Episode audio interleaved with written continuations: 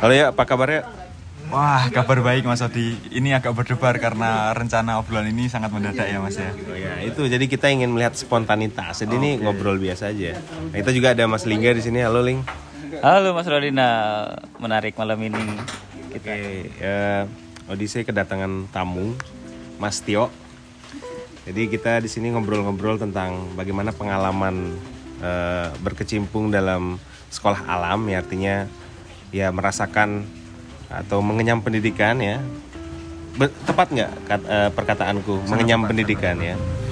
Eh, artinya sekolah alam. Nah di sini mungkin kita bisa cerita-cerita ya sekolah alam itu seperti apa karena mungkin orang mem- pahamnya sekolah alam itu kayak eh, semacam di luar dari sekolah formal mungkin ya Lingga ya.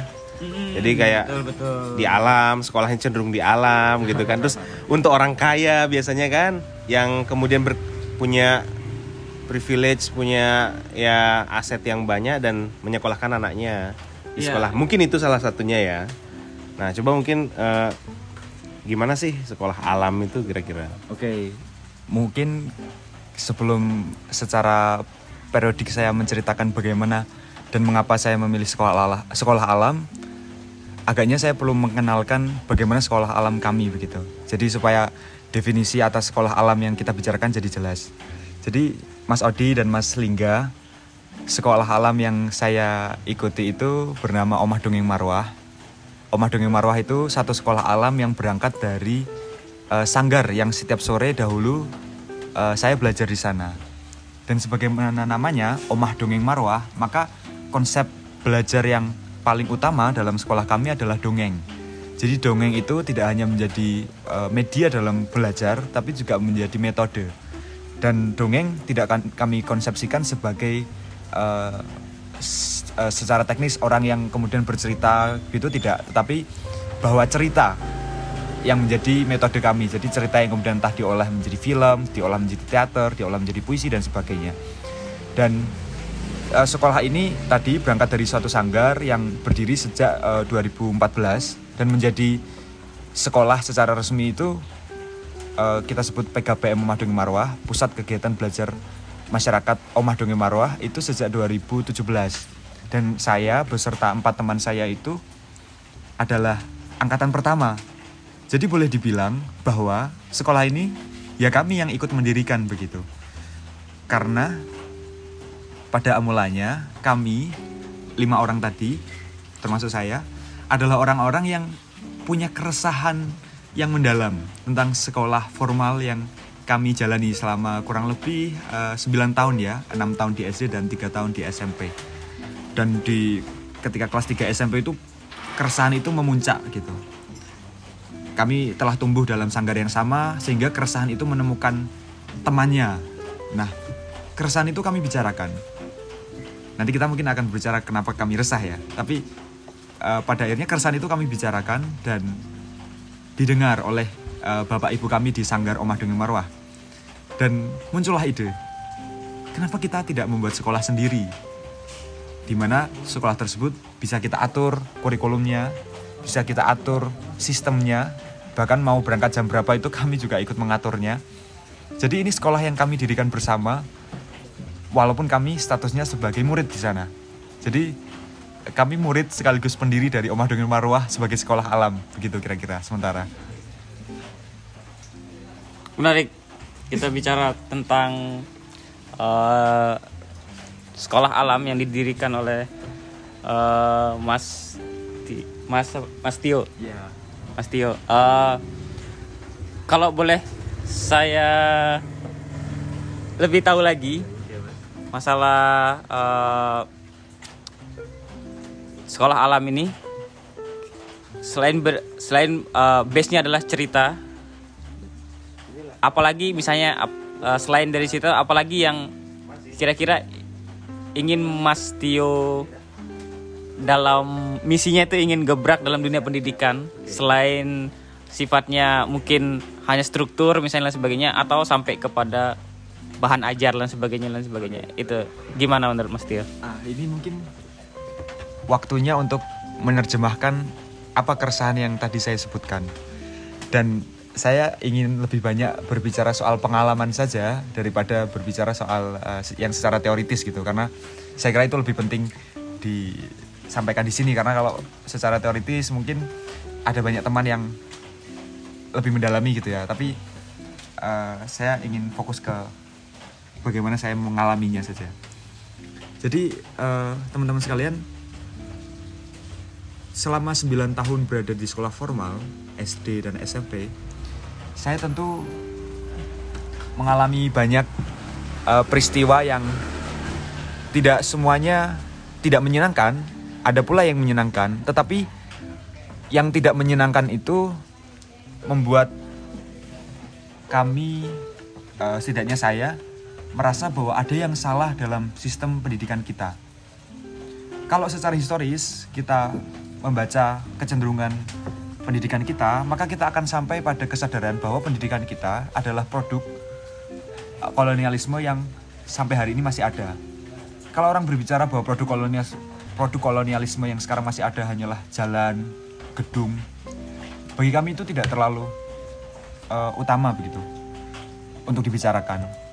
Tapi yang dalam konteks ini yang lebih menarik dibicarakan ya memang bagaimana pendidikan kolonial itu menjadi berlanjut sampai kolonialisme itu dianggap tidak ada begitu. Sampai kemudian bangsa Indonesia merasa merdeka gitu. Jadi uh, bagaimana sekolah kolonialisme tersebut? Ya mudahnya adalah sekolah yang membuat manusia itu tidak menjadi manusia tapi menjadi uh, yang disiapkan untuk memenuhi kebutuhan-kebutuhan produksi jadi kami menyadari itu sejak kelas 3 SMP jadi kalau diusiakan kira-kira umurnya um, 11 atau 12 ya? Ya, ya, sekitar, sekitar itu ya. itulah ya. Itu itu kami kami menyadari itu gitu. Ya.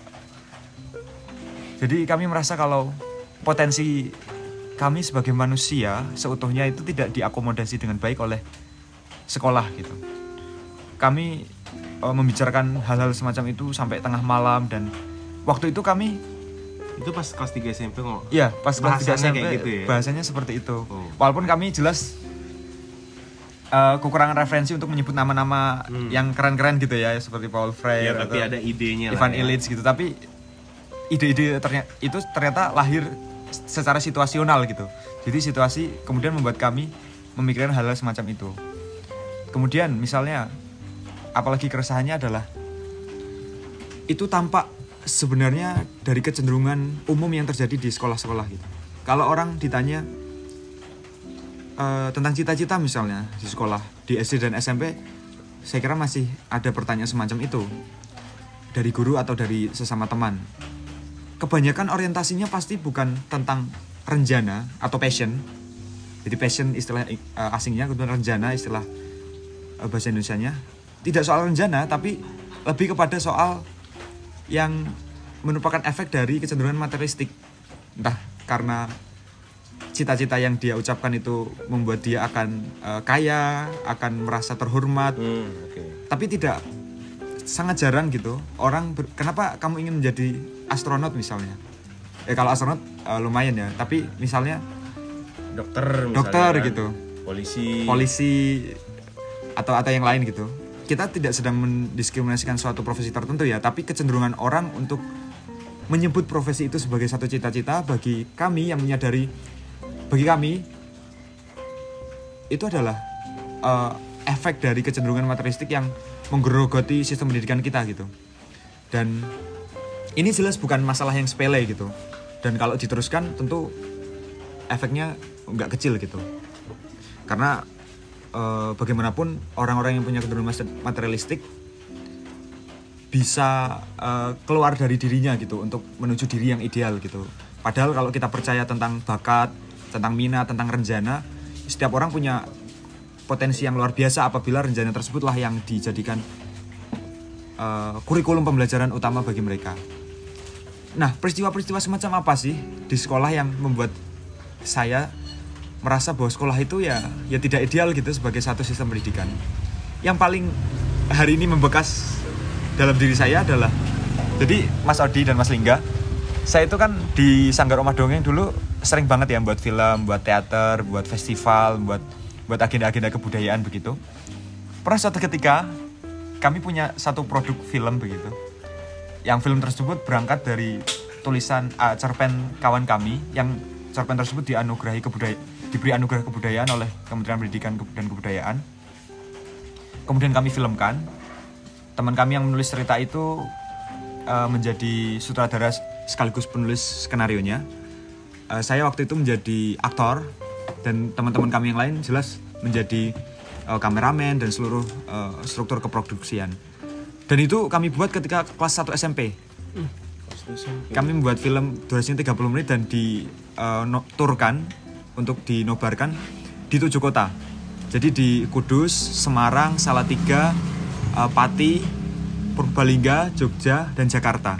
Di Jakarta itu uh, ditontonkan sebagai bagian dari Festival Anak Indonesia di Gedung Utama Kementerian Pendidikan dan Kebudayaan. Waktu itu saya baca puisi Narendra untuk menyambut, menyambut Pak Muhajir Effendi.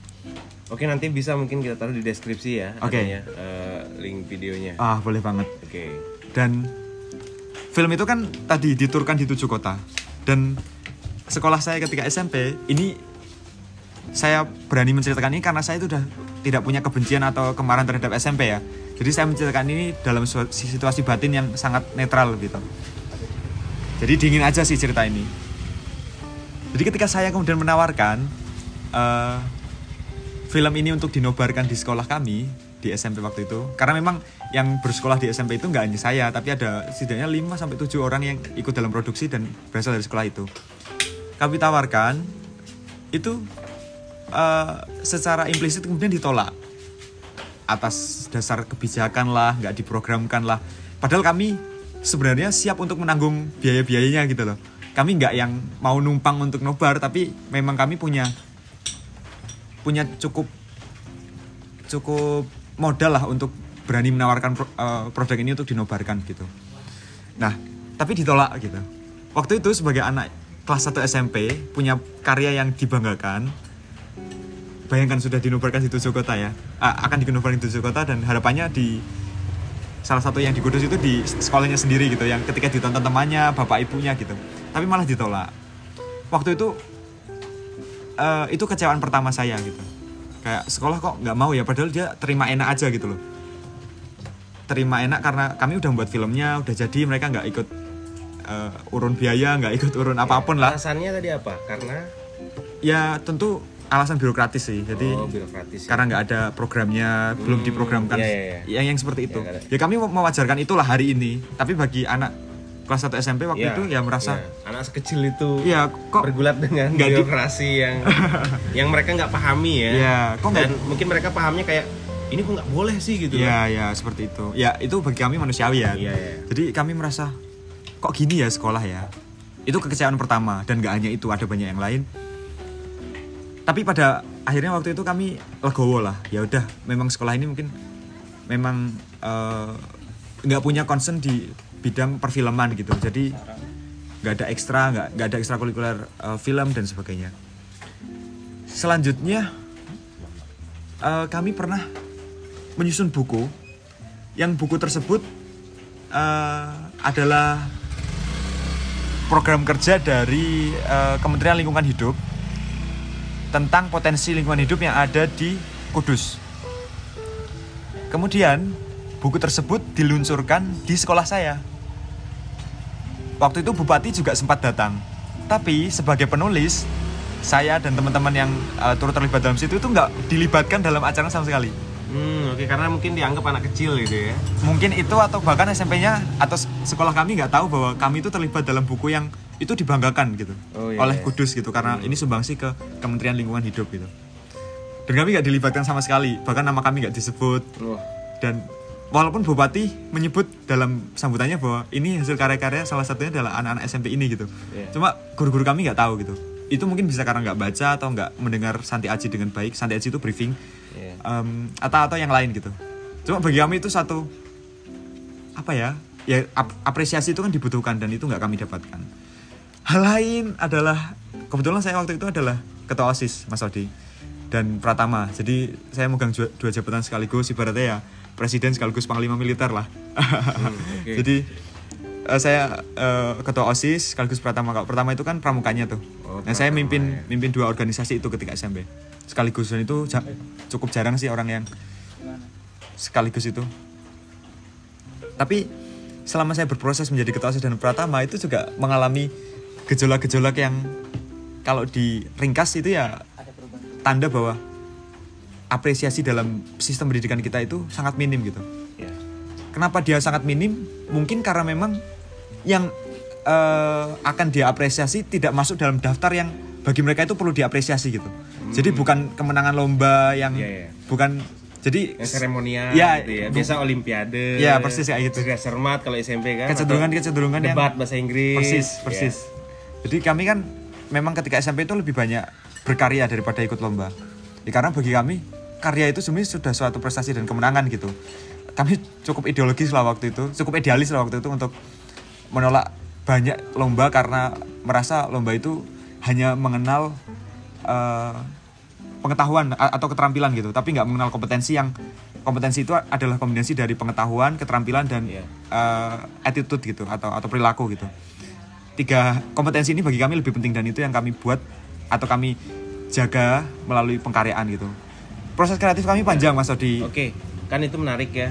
Tio sebagai ketua OSIS sekaligus Pratama ya. Waktu itu. Nah, ketua eh, ibaratnya pimpinan lah kita sebut Mhm, di Pramuka sama di eh, OSIS. OSIS ya. Ah, Nah, itu kan memiliki akses kuasa artinya Ya, persis. pasti ada kamu bisa eh, bikin pengaruh untuk teman-teman gitu Iya, ya. iya.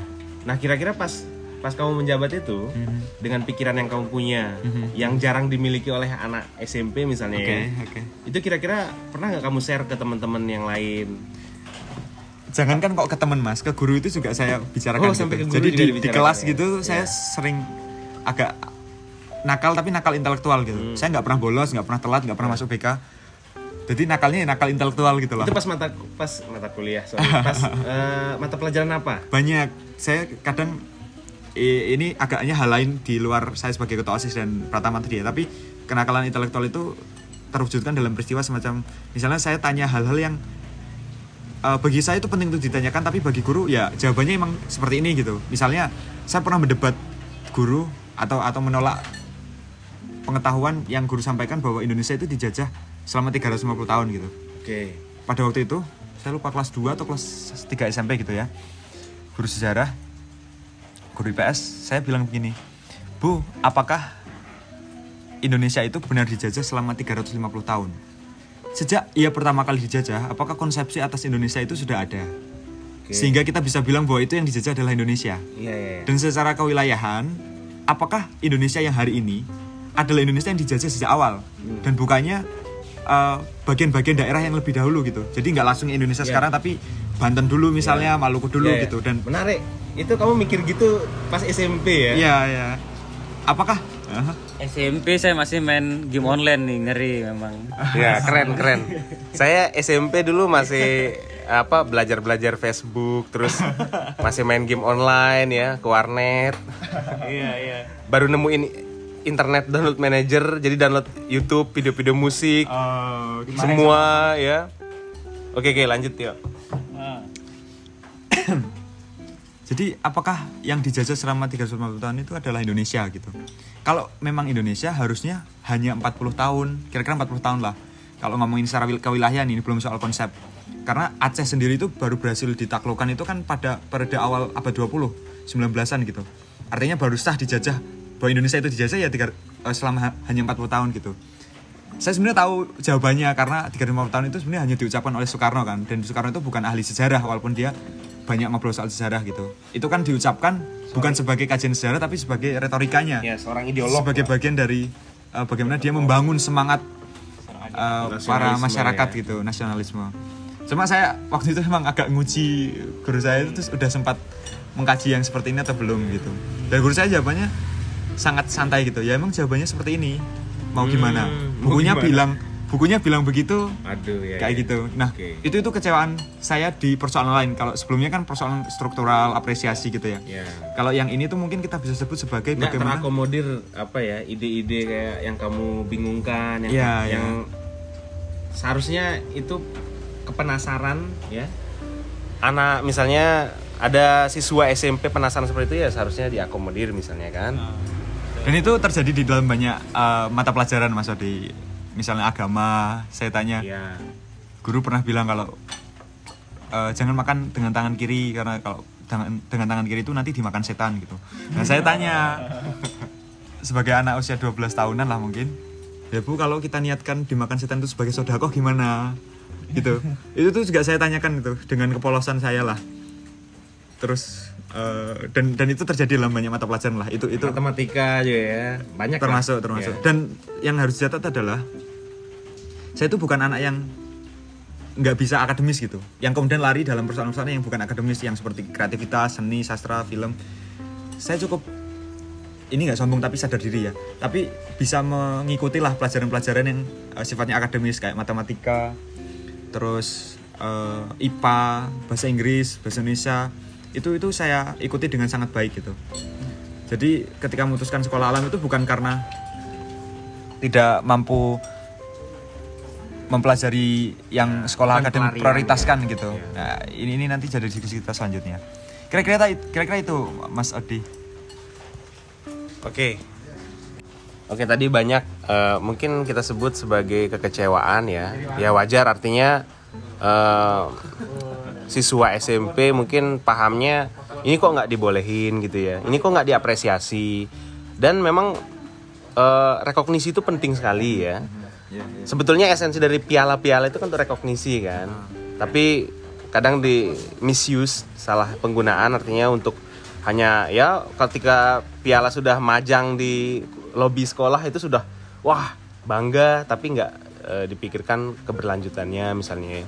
atau seperti misalnya kayak olimpiade kan ini pengalaman saya juga di sekolah-sekolah formal Eh, saya dulu ini sharing juga ya Oke, oke. Sewaktu SMA itu saya sama sekali tidak terbilang sebagai anak yang menonjol segi akademis ya. Belajar juga ogah-ogahan gitu kan. Tapi ngeband. Oke. Jadi eh, mengharumkan nama sekolah lewat eh, festival musik dulu kan zaman tahun-tahun 2010, 2011, 2013, 12 itu kan masih banyak festival-festival pelajar gitu kan. Dan itu kita membuat publik merekognisi sekolah itu. Di samping ada basket juga kan biasa ya. Biasa kami kalau ada di BL itu juga saya ikut festival gitu kan. Nah, jadi yang kami rasakan memang eh, mungkin ini yang dirasakan sebagian besar pelajar ya. Iya, iya. Jadi kok teman-teman yang olimpiade aja yang direkognisi gitu kan. Sedangkan ya kita sama-sama tapi beda jalur aja gitu kan. Nah, itu itu beberapa ya. Eh, tapi kita cukupkan mungkin contoh-contoh ya. Kalau kita ulik mungkin akan panjang. Nah, singkatnya mungkin dari situ memilih untuk meng- eh, melanjutkan ke sekolah alam gitu ya. Kenapa nggak lanjut ke SMA? SMA negeri atau SMA swasta gitu. Sebelum beranjak ke sana saya ingin eh, memberi penutup dari sesi yang sebelumnya tadi tentang apa saja yang membuat saya kecewa terhadap sekolah bahwa saya sadar bahwa apa segala kekecewaan saya itu bukan kekecewaan saya atas sekolah saya. Jadi kalau guru-guru saya mendengar ini harap dipahami bahwa saya sadar bahwa itu adalah kekecewaan saya terhadap sistem gitu. Dan pelajar yang mengalami peristiwa yang sebagaimana saya alami itu saya yakin ada banyak begitu. Mungkin hanya saja nggak banyak yang kemudian eh, berbicara atau sadar tentang kecewaannya. Jadi eh, harap diketahui Bapak Ibu guru barangkali mendengar Mas Adi. Jadi ini saya justru malah berterima kasih karena Bapak Ibu guru lah saya bisa berpikir seperti ini dan bisa eh, apa ya eh, mengalami proses yang sedemikian dinamis lah sampai hari ini. Jadi saya nggak ada kebencian apa pun, saya nggak ada apa ngambek itu juga nggak ada gitu. Saya sudah bilang di awal bahwa saya cerita itu karena karena pernah terjadi aja gitu. Jadi agak dingin. Lalu bagaimana eh, yang buat saya kemudian memilih sekolah alam dan bukan SMA misalnya Iya. atau SMK gitu. Kayak SMK kan banyak yang kejuruan gitu ya. Ya satu hal yang membuat saya eh, menolak sekolah pada umumnya adalah karena dia sifatnya yang terlalu general gitu. Jadi semua manusia itu dianggap sama gitu. Itu terlihat dari bagaimana sistemnya bekerja. Dan sekolah alam itu mampu didesain untuk menghargai setiap individunya gitu. Tapi sebelum itu, apakah secepat itu saya memutuskan untuk memilih sekolah alam dan apakah tidak ada gejolak di keluarga, di tetangga atau di di lingkungan yang saya tempati misalnya. Jadi Mas Odi ketika kelas 3 SMP itu saya sadar bahwa ijazah itu kayaknya tuh nggak penting. Ijazah itu bisa dibakar kapan aja, bisa dibuang kapan aja dan yang lebih penting ya kompetensi gitu, pengetahuan, keterampilan dan sikap gitu. Dan itu eh, tidak di genjot secara serius di sekolah formal gitu. Dan bagi saya jalan yang paling mudah untuk mengenjot ketiga itu ya di sekolah alam gitu. Tapi apakah langsung ke sekolah alam gitu?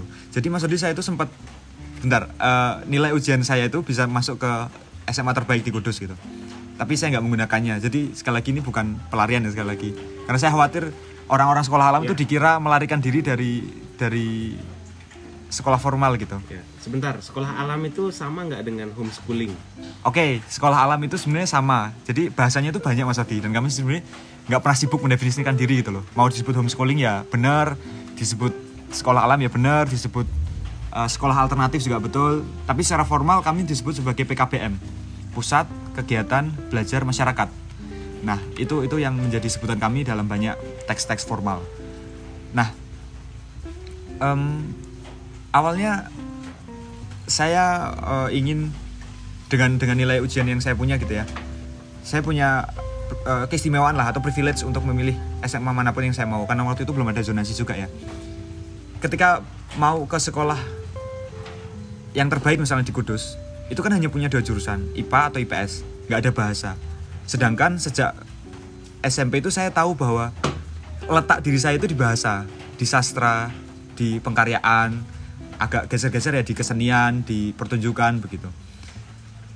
Kalau ngejar eh, IPA IPS itu bagi saya akan buang waktu banyak gitu. Walaupun di situ saya akan jelas ketemu banyak teman ketemu banyak orang gitu.